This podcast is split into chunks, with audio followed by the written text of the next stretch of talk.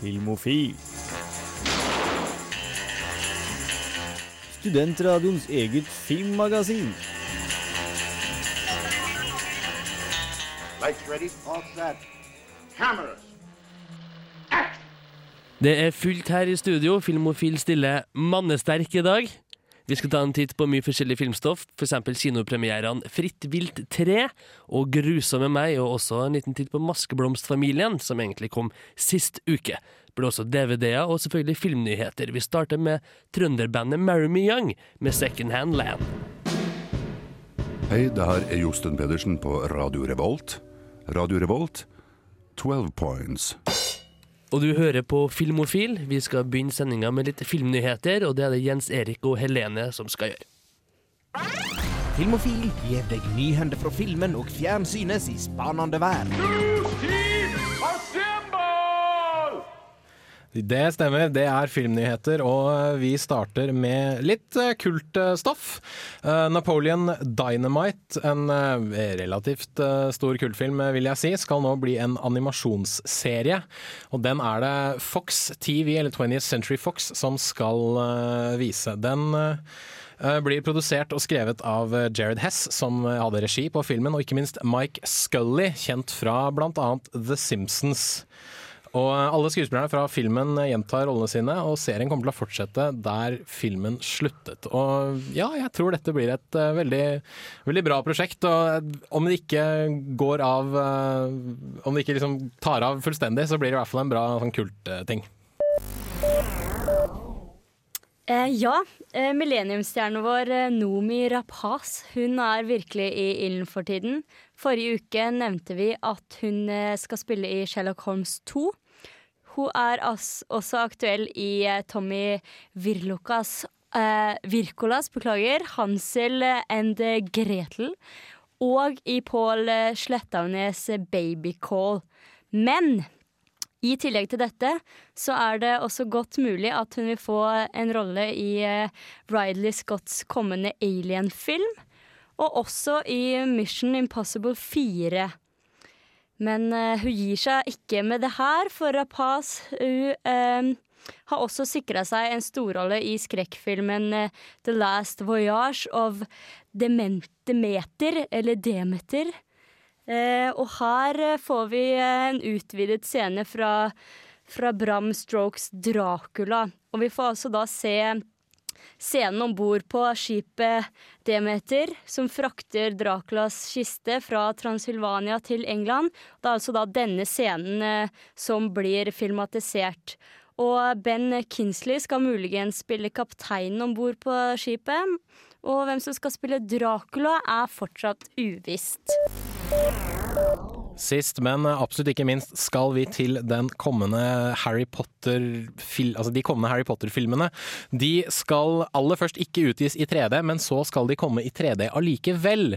Det vil si at de to siste Harry Potter-filmene skal ha to kinopremierer hver. Én i 2D og da én i 3D. Og eh, jeg syns egentlig 3D-gimmicken kan bli ferdig, og håper at den dør snart. For eh, jeg ser ikke vitsen med at eh, plutselig skal Harry Potter-filmene komme i 3D heller.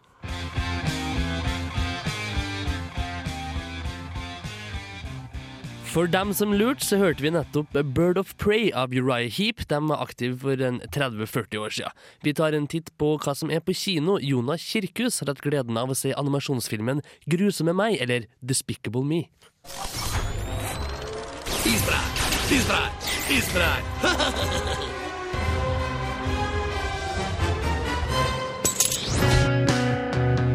Møt Gru, byens grusomste superskurk, berømt for sine spektakulære kupp og lite vennlige ytre. OK, min tur. I!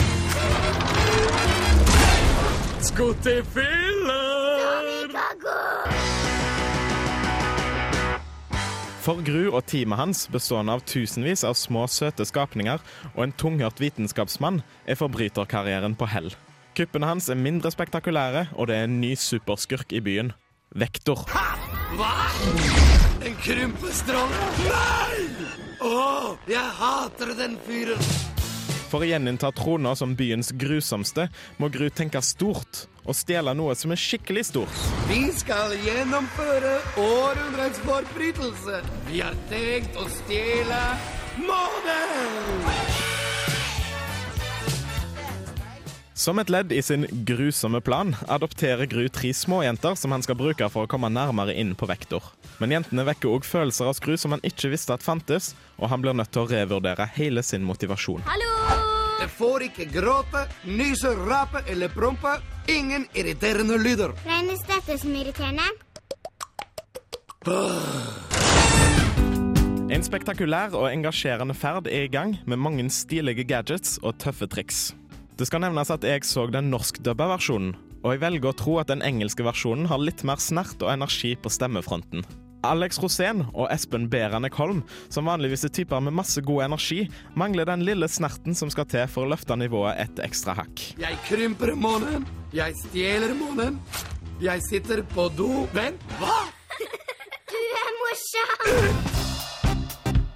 Bortsett fra stemmene er energinivået godt og variert hele veien, og animasjonen og slapsticken er godt tima. Godt driv og få dødpunkter. Når det er sagt, er det ganske lite nytt å hente i Grusomme meg. Både historie, tematikk og vitser er bygga opp etter en velkjent og noe forutsigbar formel, men han er til gjengjeld godt gjennomført. Det har nesten blitt en vane at store animasjonsfilmer òg i stor grad henvender seg til et voksen publikum. På det området leverer nok Grusomme meg litt dårligere enn filmer fra Pixar og Dreamworks har gjort de siste årene. Men for barn er det et godt og engasjerende eventyr med god animasjon og fin timing. Terningkast fire. Grusom grus... Grus... Grus... Grusomme meg. Det var Jonas Kirkhus du hørte her, som tok en titt på Gruse med meg. Vi skal snart prate om Maskeblomstfamilien. Da har vi Helene i studio, etter det blir det en prat med gjengen bak Fritt vilt 3, og litt fokus på den. Først er det Ocean Size med Part Cardiac. Du hører på Filmofil. Ocean Size der med Part Cardiac. Du hører på Filmofil. Og Helene, du så Maskeblomstfamilien sist uke, og jeg er veldig spent på hva slags film her er. Hva handler den om? Eh, ja, Maskeblomstfamilien. Eh, den tar oss tilbake til 50-tallet. Handler om en eh, 15 år gammel gutt som heter Adrian. Han bor sammen med mammaen og pappaen sin, helt til pappaen tar livet av seg, og moren blir veldig deprimert. Eh, dette er rett etter at Adrian har fått vite om eh, eh, han, er, han er da tvekjønnet, og han har alltid fått, hatt en unnskyldning til å få fri fra gymtimer og slike ting. Eh, men på en hyttetur med moren sin i sommerferien så får han vite den egentlige grunnen da, til at eh, han eh, får fri. Han vet jo at han er tvekjønnet, men familien er veldig flau over dette. Etter farens død så, og morens depresjon så flytter Adrian inn sammen med tanta si, som for øvrig spilles av Kjersti Holmen, og hun er så stygg. Og det må bare oppleves. Hun har sånn svart, stor parykk og stygge øyenbryn, og det er Men- veldig morsomt. Ja. Men dette er ikke en komedie, da, Nei, forstår jeg. Det, det er ganske er- tunge saker. Ja, det er eh, Maskeblomstfamilien er basert på Lars Saabye Christensens roman med samme navn. Og eh, det er en eh, et drama, da. Og den er veldig mørk. Eh, Dyster. dyster. Og uh, jeg nevnte i eh, intervjuet Altså Petter Ness sa han uh, syntes det var annerledes fra vanlige eh, eller andre norske filmer. Det er jeg litt enig i. Jeg syns at norske filmer har en tendens til å være litt forutsigbare. Har du sett én norsk komedie, så vet du på en måte hva som kommer i den neste norske komedien. Sammen med skrekkfilmer. Altså, Begynte med Villmark, og nå er vi borte i Fritt vilt. Det er jo helt vilt. Eh, Men eh, denne filmen overraska meg litt. Jeg var litt sånn i begynnelsen OK, dette har jeg sikkert sett før, men så eh, holder den hele tiden på oppmerksomheten min, og den er litt seig. Og så er den dyster og mørk, men idet det på en måte skal til å tippe over av dysterhet, så kommer det en, en, morsom, eh, en morsom del av det. Så den har liksom sine små eh, snerter. Det likte jeg veldig godt. Eh, og Adrian, han er jo en Han er en veldig ung skuespiller, og han er jo en, debuterer jo her i denne filmen. Han, jeg syns han spiller denne rollen kjempebra, og veldig troverdig. Eh, og eh, det at filmen har eh, besøk av andre store norske skuespillere som Sven, Nordin. Han er også med, men han har bare en liten rolle. Og det er veldig mange store, kjente skuespillere som har sånne småroller. Og det syns jeg er veldig gøy å se at de fokuserer på en nykommer, og han gjør rollen sin veldig bra. Og så kommer de her og bare har litt å tilføye, på en måte. Så det, det kretser rundt eh, rundt eh, Adrian, da. Totalt sett så høres det ut som at du likte filmen her veldig godt, du. Ja, jeg gjorde det. Den uh, gjorde noe med meg. Yes. Ja. Hva gjorde den med deg?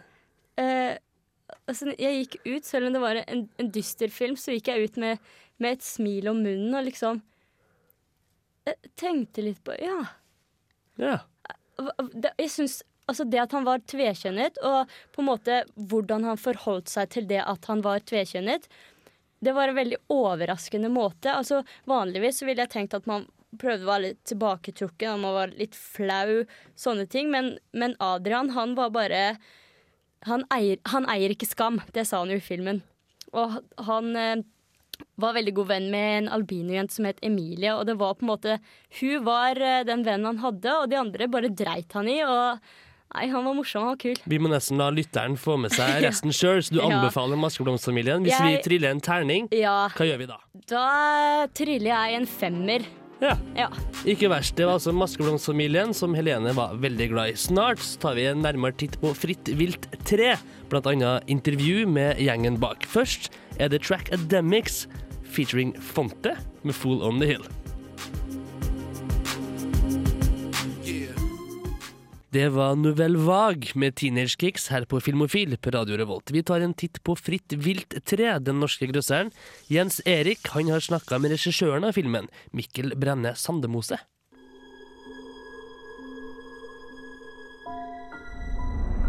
Hva gjør det lille misfosteret ditt her? Man har ikke sett dagslys på flere dager, Gunnar. Man skal ikke være her. Vi skal tilbake til Jotunheimen, og i Fritt vilt 3 skal vi få vite hvordan alt startet. Men trenger vi egentlig en prequel til Fritt vilt-serien? Regissør Mikkel Brenne Sandemose forklarer. Eh, I utgangspunktet så var det Det begynte som et krav fra fan som ønsket seg en film til. Eh, Og det var liksom kjernen til at eh, produksjonsselskapet begynte å tenke at de skulle lage en film til. Og så har det vært egentlig en sånn utvikling derfra. Hva, hvor mye skal vi fortelle om barndommen til Fjellmannen? Hvor mye skal vi holde tilbake? Og og som man si, der man opplever at det publikum der ute har vært veldig, gleder seg veldig til filmen. Og det har jo også gjort at det har vært en glede på en måte å kunne pusle sammen puslespillet med å lage en Fritt vilt 3. Krav fra fansen, altså. Men trenger man å fortelle morderens historie? I Fritt vilt 3 så kan jeg jo vel si såpass at man får ikke vite akkurat hvorfor han har blitt sånn, men man sår litt tydeligere spor av hva som har skjedd. Det å holde tilbake informasjon er like viktig som å gi den, egentlig. Fordi det er veldig mye opp til tilskuerens fantasi. eh, Og, og hvordan man selv tolker det, er viktig, da. Så jeg kan egentlig si ja og nei på det. Eh, Vi har valgt å gi litt mer, men holde tilbake samtidig. Hvordan er det så å hoppe inn som fersk regissør i en filmserie som allerede har en såpass stor fanskare? Det å jobbe med et produksjonsselskap som har vært gjennom den prosessen to ganger, har vært en veldig støtte. Samtidig som jeg har fått frie tøyler til å lage den filmen jeg vil. Eh, Vi har på en måte hatt veldig konkrete mål for filmen helt fra starten av. Hvordan måte Hvordan type film skal vi lage? Hvem er den for? Eh? Sånn, det er ikke en kunstfilm. Det er eh, man blir ikke et bedre menneske av å ha sett den. Man eh, koser seg, man får en skikkelig eh, berg-og-dal-banetur. Eh, Og, og, vi har hatt som mål å lage en, en hardtslående stor kinofilm. Da. Og når man har det som premiss, så har det jo egentlig vært veldig bra å ha med erfaringen deres, samtidig som jeg har tatt inn mine nøkkelpersoner og hatt anledning, siden det da er en prequel, eller forfølger, eller hva man skal kalle det på norsk, eh, anledning til å ha nye aktører og liksom gjøre det nytt på, på min måte. Jeg tror det er viktig å For det første må man kjenne sjangeren veldig godt. eh, og man må kjenne virkemidlene som sjangeren kan benytte.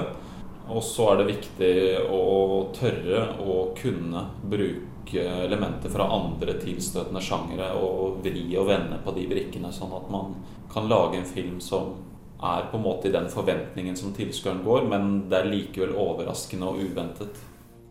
Fritt vilt-serien kom ganske på tampen av den store norske skrekkbølgen. Hva gjør norsk skrekkfilm annerledes?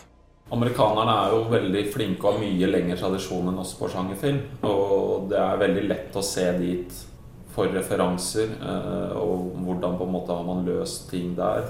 Eh, en referanse som har vært for denne filmen, er en australsk film som heter Wolf Creek. Som eh, også er skutt veldig likt, eller mye likt som oss. Håndholdt, mye ute i naturen og sånne ting. Og det er noe med at man må bruke på en måte det man har. Man kan ikke på en måte hele tiden etterstrebe seg etter å herme etter noen som har en million ekstra dollar å bruke. Det blir på en måte Dit kommer man ikke, da. Så man må være mye flinkere til å vri og vende på de, de mulighetene vi har i Norge. Og det opplever jeg at Fritt vilt, hele franchisen, om du kan kalle det det, har vært flinke på. Wolves Like Us med Deathless her på Filmofil, hvor vi har fokus på Fritt vilt 3. Jens Erik har også tatt en prat med skuespillerne. Skål for oss! Skål!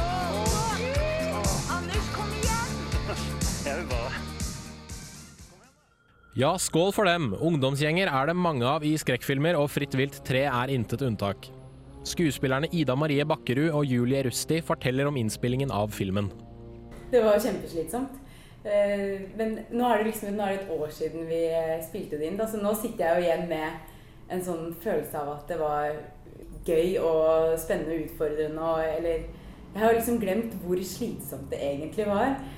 Veldig både fysisk og psykisk eh, krevende for egentlig alle skuespillerne. Det var jo kaldt eh, i tillegg til ja, mye av det grusomme som skjer, som vi måtte gjennom. Så det var en veldig intensiv periode, da.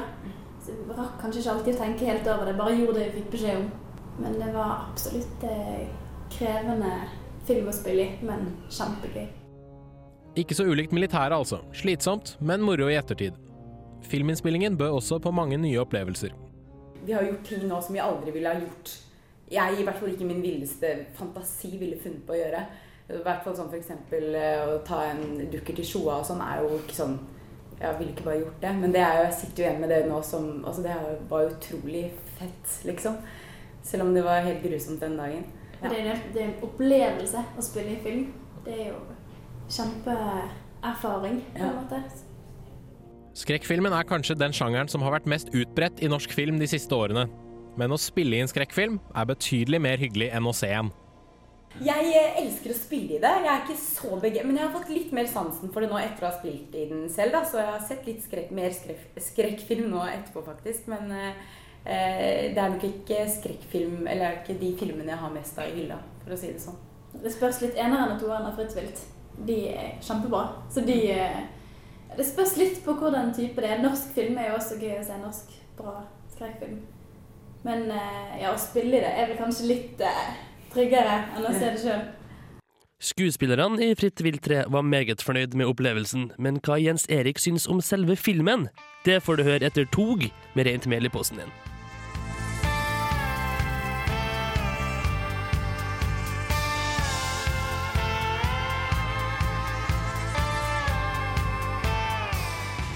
The Clash med London Calling fikk du her på Filmofil, og Jens Erik er så glad i film, han har masse på hjertet. Filmofil gir deg nyhender fra filmen og fjernsynets i spanende vær. Men, Men, in, Men in Black 3 skal eh, spilles inn i 3D, og der kommer selvfølgelig Will Smith, Tommy Lee Jones og Baron Sonnenfeld til å møtes på nytt. Men eh, nå skal også Charlto Copley, det er han fra A-Team og District 9, Alec Baldwin, som selvfølgelig ikke trenger noen introduksjon, og Gemma Arterton, som sist spilte i Prince of Persia. Hun er Hun syns alle gutta i Filmofil egentlig er eh, fantastisk nydelige. Uh, plottet er uh, syltynt, selvfølgelig. Det er snakk om tidsreiser tilbake til 1969, og Charlotte Copley skal spille et romvesen, Gemma Arterton skal spille en sekretær, og Alec Baldwin skal spille en slags Men in Black-sjef. Men Men in Black-serien har alltid handla om tull og tøys og romvesener, så jeg tror dette kan bli eh, festlig. Eh, vi skal videre til eh, Bruce Willis, som sier at han vil lage to nye Die Hard-filmer. Eh, flere eksplosjoner, flere biljakter, mye skyting osv. Han tar opp rollen som John McClane fordi han fortsatt kan løpe og slåss på film. Han vil altså få det meste ut av rollen før han blir for gammel. Og det syns jeg egentlig er veldig greit, for jeg kan liksom ikke tenke meg en Die Hard prequel eller et eller annet sånt noe, eventuelt Die Hard-serie uten Bruce Willis. Det er kun han som er John McClane. Aller sist skal vi til Al Pacino, som kanskje ikke har spilt i verdens beste filmer de siste par årene. Han skal nå spille infamøse musikkprodusent Phil Spector i en film regissert og skrevet av David Mamet. Han skrev annet uh, The Unit, uh, Ronin, Hannibal og The Untouchables. Uh, Phil Spector er kjent for å lage dette Wall of Sound-konseptet. Han har truet artister med pistol, og ble anklaget for mord for uh, ikke så altfor lenge siden. Uh, og Al Pacino er jo som kjent klin gæren når han er på film, så uh, jeg tror det å spille en klin gæren person faktisk kan funke. Etter The Vaccines med If You Wanna, så skal vi få ukas filmlåt her på Filmofil. Den er det Helene som har ansvaret for, og det blir mer DVD, Blu-ray og videostoff etter det. The Vaccines med If You Wanna her på Filmofil. Du hører på Radio Revolt, og nå er det ukas filmlåt, Helene. Yep. Ehm, denne låta har eh, jeg valgt ut fordi ah, det er jo en dritkul låt. Det er fra Corpse Bride. Og det er den beste scenen ved hele filmen, hvor de er nede i um, underverdenen, da. Og eh, disse skjelettene forteller historien til deres kjære Corpse Bride. Ah, den er så fet. Ja, det er kule Det er sånne skjeletter som driver og spiller på kontrabass på seg selv og bare Nei, det er den kuleste scenen, så eh, en kul låt. Eh, hvilken låt er det? Det er uh, 'Remains of the Day'. Det er jo kanskje lurt å si, ja. Det, det er 'Remains of the Day' Skal vi ta og høre på den? Ja, det syns jeg vi skal gjøre. Det gjør vi det.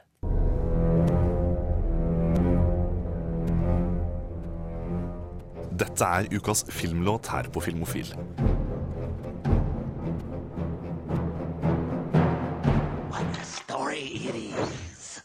Tragic tale of romance, passion, and a murder most foul. This is gonna be good.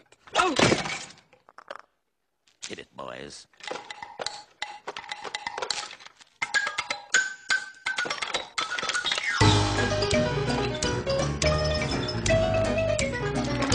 Hey! Give me a listen.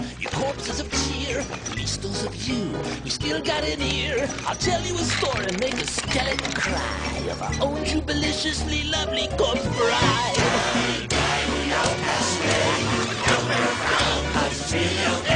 You might try and you might try but we all end up the remains of the day.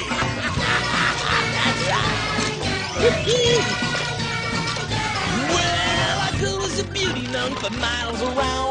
Mysterious stranger came into town, he was plenty good looking, but down on his cash. And our poor little baby, she fell hard and fast when her daddy said no. She just couldn't cope, so our lovers came up with a plan to elope. Die, die, we all pass away. Girl never frowned, but it's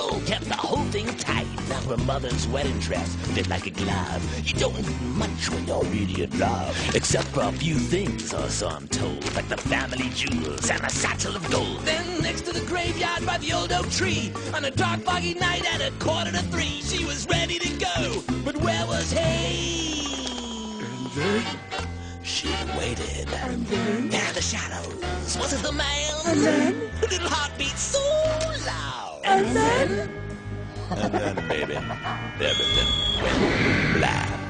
Now when she opened her eyes, she was dead as dust. Jewels were missing and her heart was bust. So she made a vow lying under that tree that she'd wait for her true love to come set her free. Always waiting for someone to ask for her hand. But out of the blue comes this groovy young man who vowed his forever to be by her side. And that's the story of our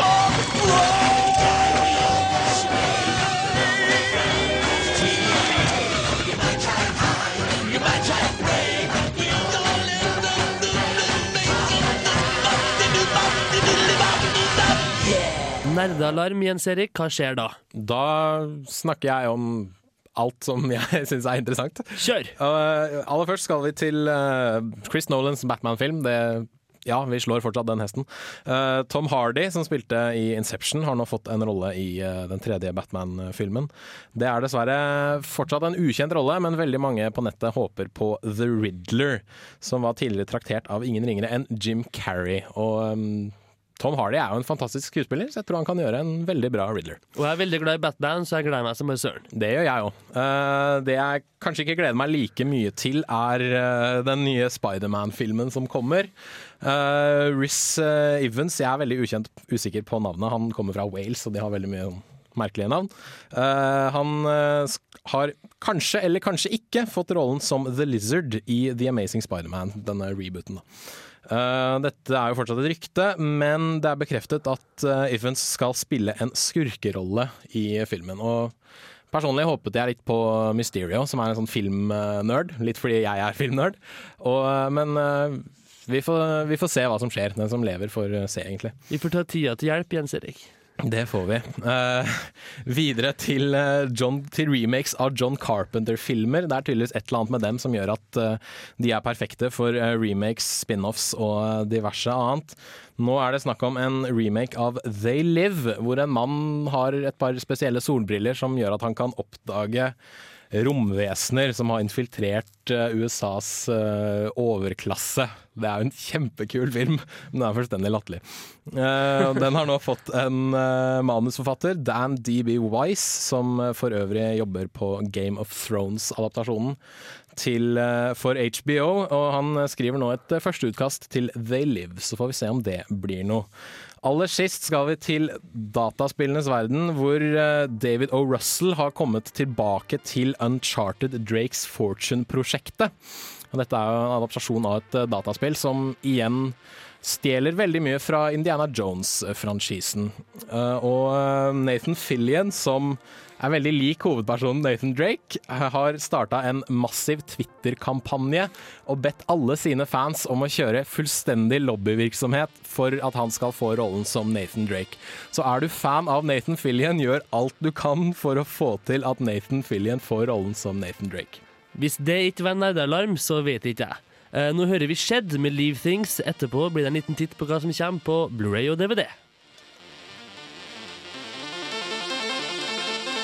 Set You Free med The Black Keys. Vi tar en titt på hva som er i videohylla, hvor gamle medarbeider Cecilie Hoenvold hun så en Education på DVD og Blu-ray.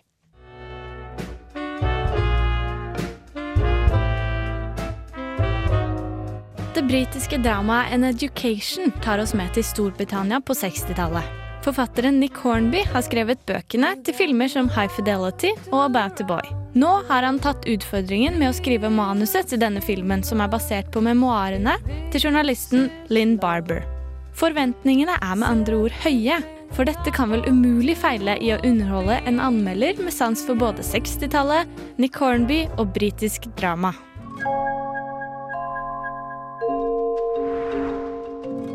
To university, I'm going to read what I want and to wear black. Now that shows you're a rebel. They don't want that at Oxford. No, they don't want people who can think for themselves. Oh, of course they don't. Den unge og skoleflinke Jenny forsøker å leve opp til foreldrenes forventninger om at hun skal komme inn på universitetet i Oxford og spille cello på fritiden. Selv drømmer hun om fransk musikk, kunst og luft under vingene. Når Jenny så møter den sjarmerende, litt mystiske og eldre mannen David, begynner hun å stille spørsmål til tilværelsen. David kan lokke med både konserter, moteklær, rikdom og Paris. Men i tillegg skjuler han en hemmelighet som Jenny etter hvert må ta stilling til. Hello, but I'm a music lover and I'm worried about your cellos. Jump in! What's this? Jenny's been sent some flowers from a chap. Thank you. Listen, I'm glad I ran into you. What are you doing on Friday? Nothing. I won't allow it! Det tar ikke lang tid før jeg skjønner hvor dette bærer hen. Forventningene om at jeg skal ta feil, og at filmen plutselig kommer til å overraske meg, er det som driver nysgjerrigheten min. Likevel må jeg gå skuffet hjem. Ingenting overrasket meg. Det gikk nemlig akkurat som jeg trodde. Og så var det slutt. Nå skal jeg liksom ha opplevd, som tittelen så banalt tilsier, at livet kan være en utdanning i seg selv. Musikken er givende, utfyllende og flyter godt. Skuespillerne gjør en god innsats, med unntak av Emma Thompson i rollen som rektoren. Hun gjør faktisk den kjedeligste rollen jeg noen gang har sett henne i. Alfred Molina spiller rollen som den forvirrede, strevende og beskyttende faren til Jenny. Han tilføyer rollen noe ekstra som gjør den interessant å observere. All my life, I- I've been scared. I didn't want you to be scared. I suppose you think I'm a ruined woman. You're not a woman. Action is character.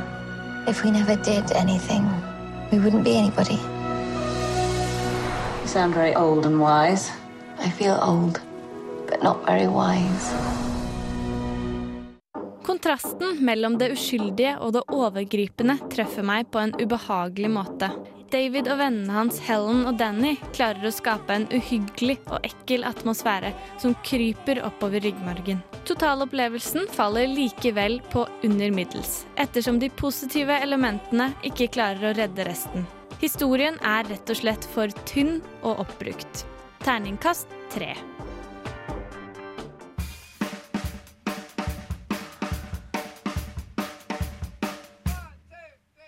Neil Cowley-trio der med låta 'Gerald'. Du hører på Filmofil her på Radio Revolt. Vi tar en titt på det som har kommet på Blu-ray og DVD. Sverre Torp Solberg har sett Cop Out med Bruce Willis og Tracy Morgan. Han er ikke spesielt fornøyd med den filmen. There's a right way of doing police work, and there's a way that you two do it. Thank you, Captain. Fra regissør Kevin Smith kommer en intetsigende og uintelligent politikomedie med Bruce Willis og Tracy Morgan i hovedrollene. Willis og Morgan spiller Jimmy og Paul, to politikollegaer med ulike karakteristika. Jimmy er tøff og likegyldig, men myk på innsida. Paul er en pratesjuk og sjalu idiot med høye tanker om seg sjøl. I'm going to play the bad guy on this one. Doubtful. Undoubtful. Highly doubtful. Politihverdagen snus på hodet når Jimmys rådyre samlekort blir stjålet, og den praktisk talt usannsynlige duoen må dra ut på leiting etter de skyldige. Det blir en reise du tidlig vil glemme. That's the sound of the police. That's the sound of the beast. Just been had by white lightning. In blood thunder. Here comes the genius. You really need some psychiatric help. Det hjelper ikke å ha store navn på plakaten når de spiller så gudsjammerlig dårlig som Willis og Morgan gjør i Cop Out. Manus og regi skal selvfølgelig ha sin del av skylden også. Om filmen er ment som hån av eller en hyllest til klassiske actionkomedier som Dødelig våpen og Beverly Hills Cop, er umulig å si. Det eneste som er sikkert, er at Cop Out verken er komisk eller spesielt actionfylt. Her er det slett arbeid og sjaber fremførelse over hele linja. You know why? Because you don't play the bad guy. Bruce Willis gjør ikke engang et halvhjerta forsøk på skuespill. Kjemien mellom Willis og kompanjongen Tracy Morgan er ikke-eksisterende. Jeg tror ikke på vennskapet dem imellom, like lite som jeg kan tro på at Tracy Morgan har fått jobb som politimann i første omgang. Morgan feiler i tillegg så brutalt med sine humoristiske innslag at de i flere scener må forklares av kollega Bruce Willis. Now he's doing Al Pacino from Heat. I got the death penalty in 12 systems. Star Wars? Tell us about the chicken. List? Når parodiene dine er så dårlige at de trenger presisering, redegjørelse og forsvar, er det kanskje på tide å gi seg som komiker. Filmens minst bedrøvelige fremførelse leveres overraskende nok av Sean William Scott, kanskje best kjent som Stifler i American Pie-filmene. Scott har en småmorsom birolle som den merkelige småskurken Dave. Han er kvikk og fornøyelig, men klarer på ingen måte å lokke fram noe høylytt latter. Come on, Jim! I'll shoot you right in the face! I'll shoot you in the face. What? Shut the shut, up! Stop repeating. Stop repeating. Come on! Shut up, man. You see what he's doing, Jim? Cop-Out feiler som actionfilm og faller fullstendig sammen som komedie. Den er ikke engang så dårlig at det blir flaut morsomt. Den er bare beint ut et mislykka stykke film. No, no, no, no! Hell no! No! I refuse. No! No! Who's there? Terningkast 1. Fell in love with a girl av The White Stripes. When You're Strange handler så vidt jeg er bekjent om The Doors, og det høres jo ut som en godtepose for dem som liker den type musikk, Sigurd Vik. Det stemmer, og det var med stor iver jeg reiv av plastikken på Blu-ray-utgaven av When You're Strange, filmen om The Doors, laga av regissør Tom DeSillo og fortalt av Johnny Depp. Selveste Johnny Depp. Det her er jo litt av gullgruve for meg. Jeg er veldig glad i Depp, veldig glad i DeSillo, og utrolig glad i The Doors.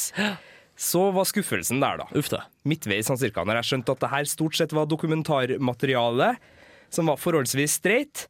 Og mer eller mindre opplesning av en Wikipedia-artikkel eh, da framført av Johnny Depp. Det blir veldig kjedelig i forhold til hva det kunne ha vært. Det byr på veldig lite nytt, og det er en eh, lite sånn eh, skal, Jeg skal ikke si slag i, i, i magen, men det er en, eh, en skuffelse av dimensjoner, det er det. Men det er sikkert mange flotte intervjuer med de gjenlevende bandmedlemmene som kan kaste lys over The Doors historie. Artig at du sier sånne ting, for at det skulle en jo tro, men det er ingen intervju. Au da. Det er ingen lydklipp sånn sett. Altså, det fins litt av det, men det er ikke noe lengre. Altså, det er ingen av de nålevende Doors-medlemmene som er med og belyser sin, sitt bands historie. Det er uh, narration by Johnny Depp, og det er lydsida, mer eller mindre. Det er selvfølgelig en del musikk, en del interessante fakta, litt artig informasjon, men hvis du allerede er interessert i The Doors, så vet du det meste fra før. Det er ikke noe sjokk at Jim Morrison var en litt sær fyr og litt vanskelig å ha med å gjøre. Det vet vi. Så, så som musikkdokumentar, helt streit, men det kunne ha liksom gått som dokumentar på BBC på, på kveldstid, eller eventuelt NRK2. Altså, det er ikke noe Filmmessig så savner jeg litt når det er en så god regissør som står bak det. Jeg vil ha mer. Jeg får ikke det. Men for all del, er du allerede interessert i The Doors, så er det jo selvfølgelig mye godt snacks der. Det er blant annet en fin booklet, det er litt sånn ekstramateriale som er godt å ta på. Men en treer, ja. Terningkast tre, altså? Tre, ja. To End You're Strange på Blu-ray. Ja. Takk skal du ha, Sigurd Vik. Etterpå skal vi høre hva Sverre Torp Solberg syns om I rymden finnes inga kjensler. Før det The Doors, Love Her Madly.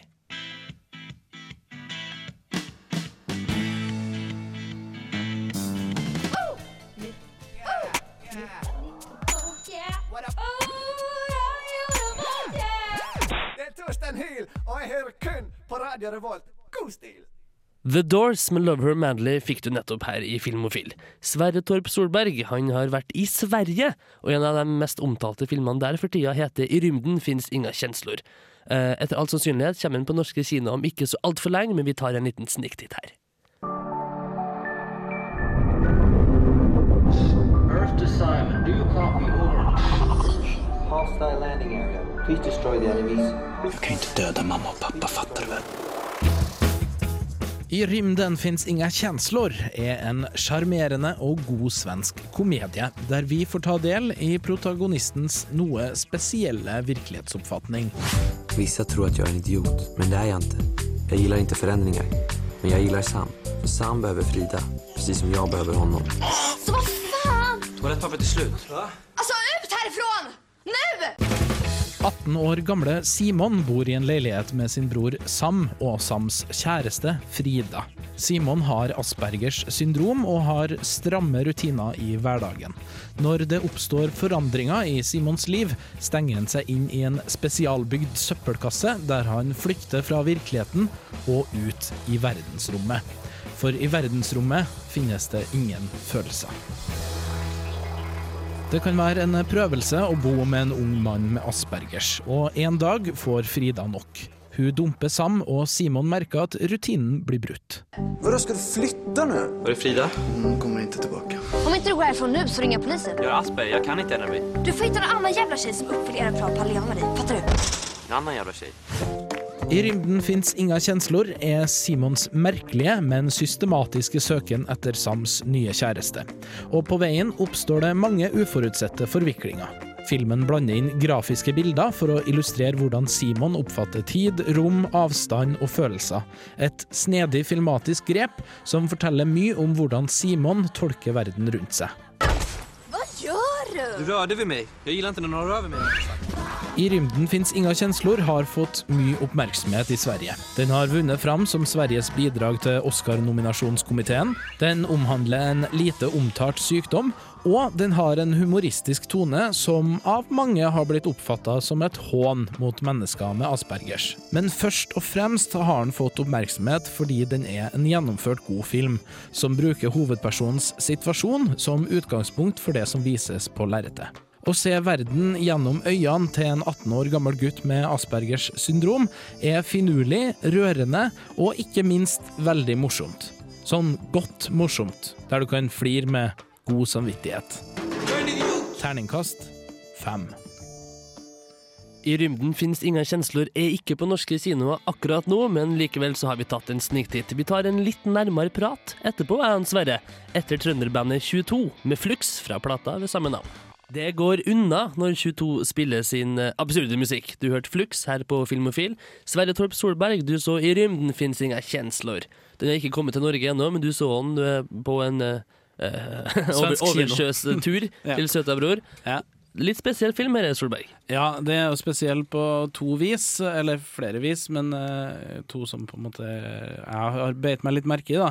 Dette er jo da Sveriges Oscar-nominasjon, uh, og har jo fryktelig likhetstrekk med den her Rain Man, uh, med Dustin Hoffman og Tom Cruise. og omhandler også litt på en måte det her med autisme og aspergers, og det er litt spesielt, og det har vakt oppsikt. der Rainman kanskje prøvde å eh, være litt mer opp appell til følelser, så er det her en komedie, eh, og har fått mye oppmerksomhet fordi eh, det er et sårt tema. Da. Det er mange som eh, føler at her er det tråkka over en viss grense. At man da gjør narr av dem som eventuelt har aspergers. Følte du det sånn? Nei, altså Aspergers er jo en sånn grad av autisme som utarter seg veldig forskjellig fra individ til individ. Eh, så det å si at på en måte, det her er aspergers, blir jo veldig feil. Eh, men det som er mm, litt spennende, er at filmen utfordrer oss på den måten at dem vi flirer av, og mm, litt Ja, dem vi flirer av, er på en måte oss normale, da, i gåseøyne. Eh, mens eh, Simon, som da er hovedperson, på en måte er bare sånn som han er. En varm og intelligent gutt som eh, er filmens desidert mest positive person. Hjertet i filmen, da, forstår jeg. Ja. Så du var fornøyd? Hvis, hvis vi skulle ha trilla en terning, en hypotetisk terning, bare for å sette inn kontekst, hva hadde du kanskje trilla da, hypotetisk? Nei, jeg triller jo en femmer, eh, fordi filmen er litt annerledes. Eh, og at den, den, akkurat som Simon, bare er annerledes, uten at det trenger å være negativt. Liten anbefaling der, altså. Vi nærmer oss slutten her i Filmofil. Først er det Little Eva med The Locomotion, som vi også husker fra en ganske intens scene i David Lynch' Inland Empire. The Locomotion med Little Eva, alle kan, alle kan vel også klappe i takt med den. Vi kan kjapt gå over kinopremierene. Helene, Jeg så Maskeblomstfamilien, ga den en femmer. Jens Erik Jeg har sett uh, Fritt vilt 3 denne uka. Jeg ga den terningkast 2. Og Jonas? Jeg var så Despicable Me, eller Grusomme meg, og ga den en terningkast 4. Takk til dere. Takk til Sigurd og Sverre. Sjøl heter jeg Kristian Krokfoss. Dere hører på Filmofil. Fær på internett, radiorevolt.no etc. Vi har Facebook-side. Send oss gjerne en mail. Filmofil krusedullalfa. Gmail.com. Si alfakrøll, så høres det Alfakrøll, der altså. Snabel A. Takk til alle som hørte på. Vi avslutter med Led Zeppelin, Bron Yar Stomp.